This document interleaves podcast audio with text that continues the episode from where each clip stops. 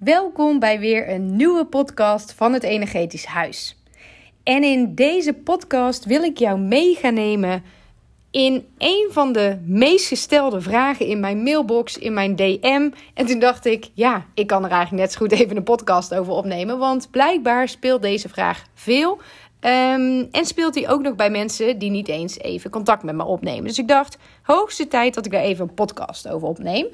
En de vraag die ik dus echt meerdere malen per dag krijg is: ja, ik vind het super interessant wat je allemaal vertelt, bijvoorbeeld in het webinar of wat er voorbij komt op Instagram of wat ik gehoord heb van deze vriend of vriendin. Maar ik wil meer weten over Nij. Wat is nu het beste om te doen? Een consult boeken of het traject instappen. Dat is vaak de tweesprong die veel mensen te maken hebben, of de keuze die ze te maken hebben, of de tweesprong waar ze op staan. En dat ze niet zo goed weten, past een consult nu beter bij mij of een traject? Nou, in deze podcast ga ik je meenemen in de beweegredenen die jij mag overwegen. En nou ja, wat feedback of wat input vanuit mij, uh, waarmee het je makkelijk maakt om een beslissing te nemen hierin. Eigenlijk zijn er twee hele verschillende wegen die je ingaat. En in beide gevallen is nee natuurlijk de basis. En ga je kijken wat is nu de emotionele blokkade die ten grondslag ligt aan mijn fysieke of mentale klacht. Het grootste verschil tussen een consult en het traject is natuurlijk dat bij een consult kijk jij eenmalig naar de emotionele blokkade onder één fysieke of mentale klacht. Jij doet het niet zelf, maar de therapeut doet dit natuurlijk voor jou.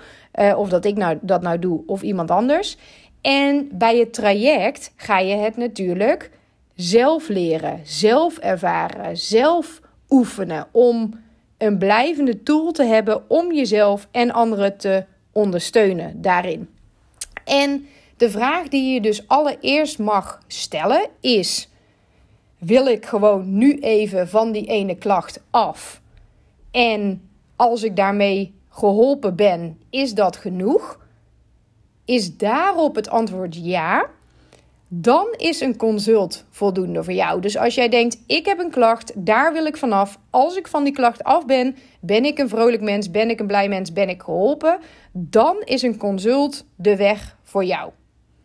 Maar zeg je, ja, ik vind dit zo interessant. En op het moment dat ik van die ene klacht af ben, ehm, is het zo dat, kijk, een, emotie is een, een, een, golvende beweging. Hè? Ze komen en gaan.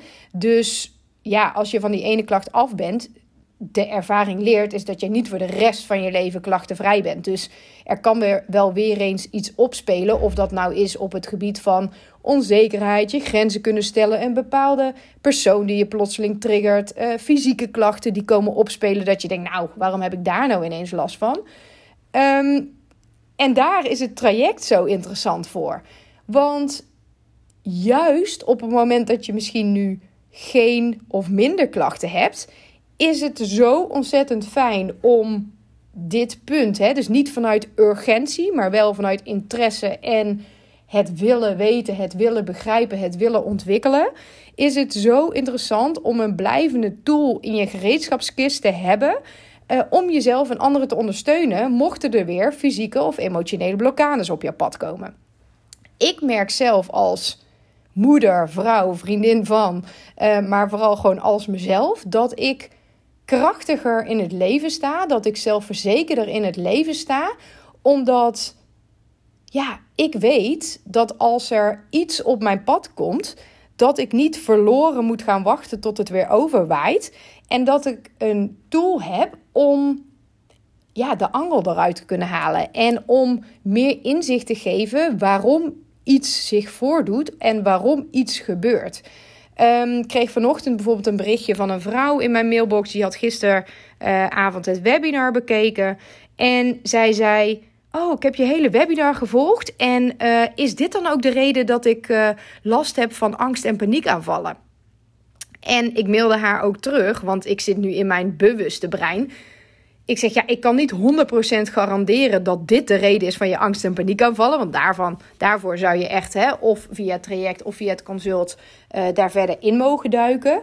Maar het is wel super aannemelijk dat die angst- en paniekaanvallen een uiting van een klacht is in het hier en nu, waar iets onder zit vanuit dat onderbewustzijn, wat er graag uit wil, wat vaak gezien wil worden. Want als je het bijvoorbeeld hebt over angst- en paniekaanvallen, 9 van de 10 mensen die dit ervaart, die weten rationeel, er is niks aan de hand.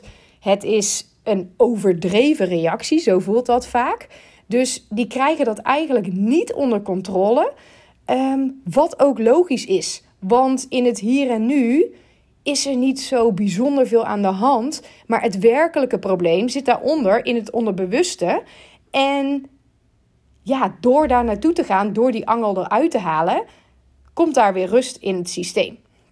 Dus dit is eigenlijk een mooie, deze, deze, deze vraag van deze vrouw. Want stel, ik weet dus niet helemaal of dat bij haar zelf speelt. Maar stel, jouw leven is nu echt even onhold. Omdat jij zo'n zware paniekaanvallen hebt. Zo'n zware stress, angst, dat soort dingen. Dan zou ik zeggen, doe eerst een consult. Als jij in een heftige burn-out zit, doe eerst een consult. Want wat je dan wil is directe verlichting brengen. Je wil dan niet nog maanden doorlopen of dat je zegt: hé, hey, ik start met het traject en dan kan ik gelijk in dat traject ook mijn klacht aanpakken. Op het moment dat het oké is om nog een maand of twee maanden met die klacht door te lopen, is dat helemaal prima en is het super mooi als jij zelf je eigen klacht kan tackelen in het traject.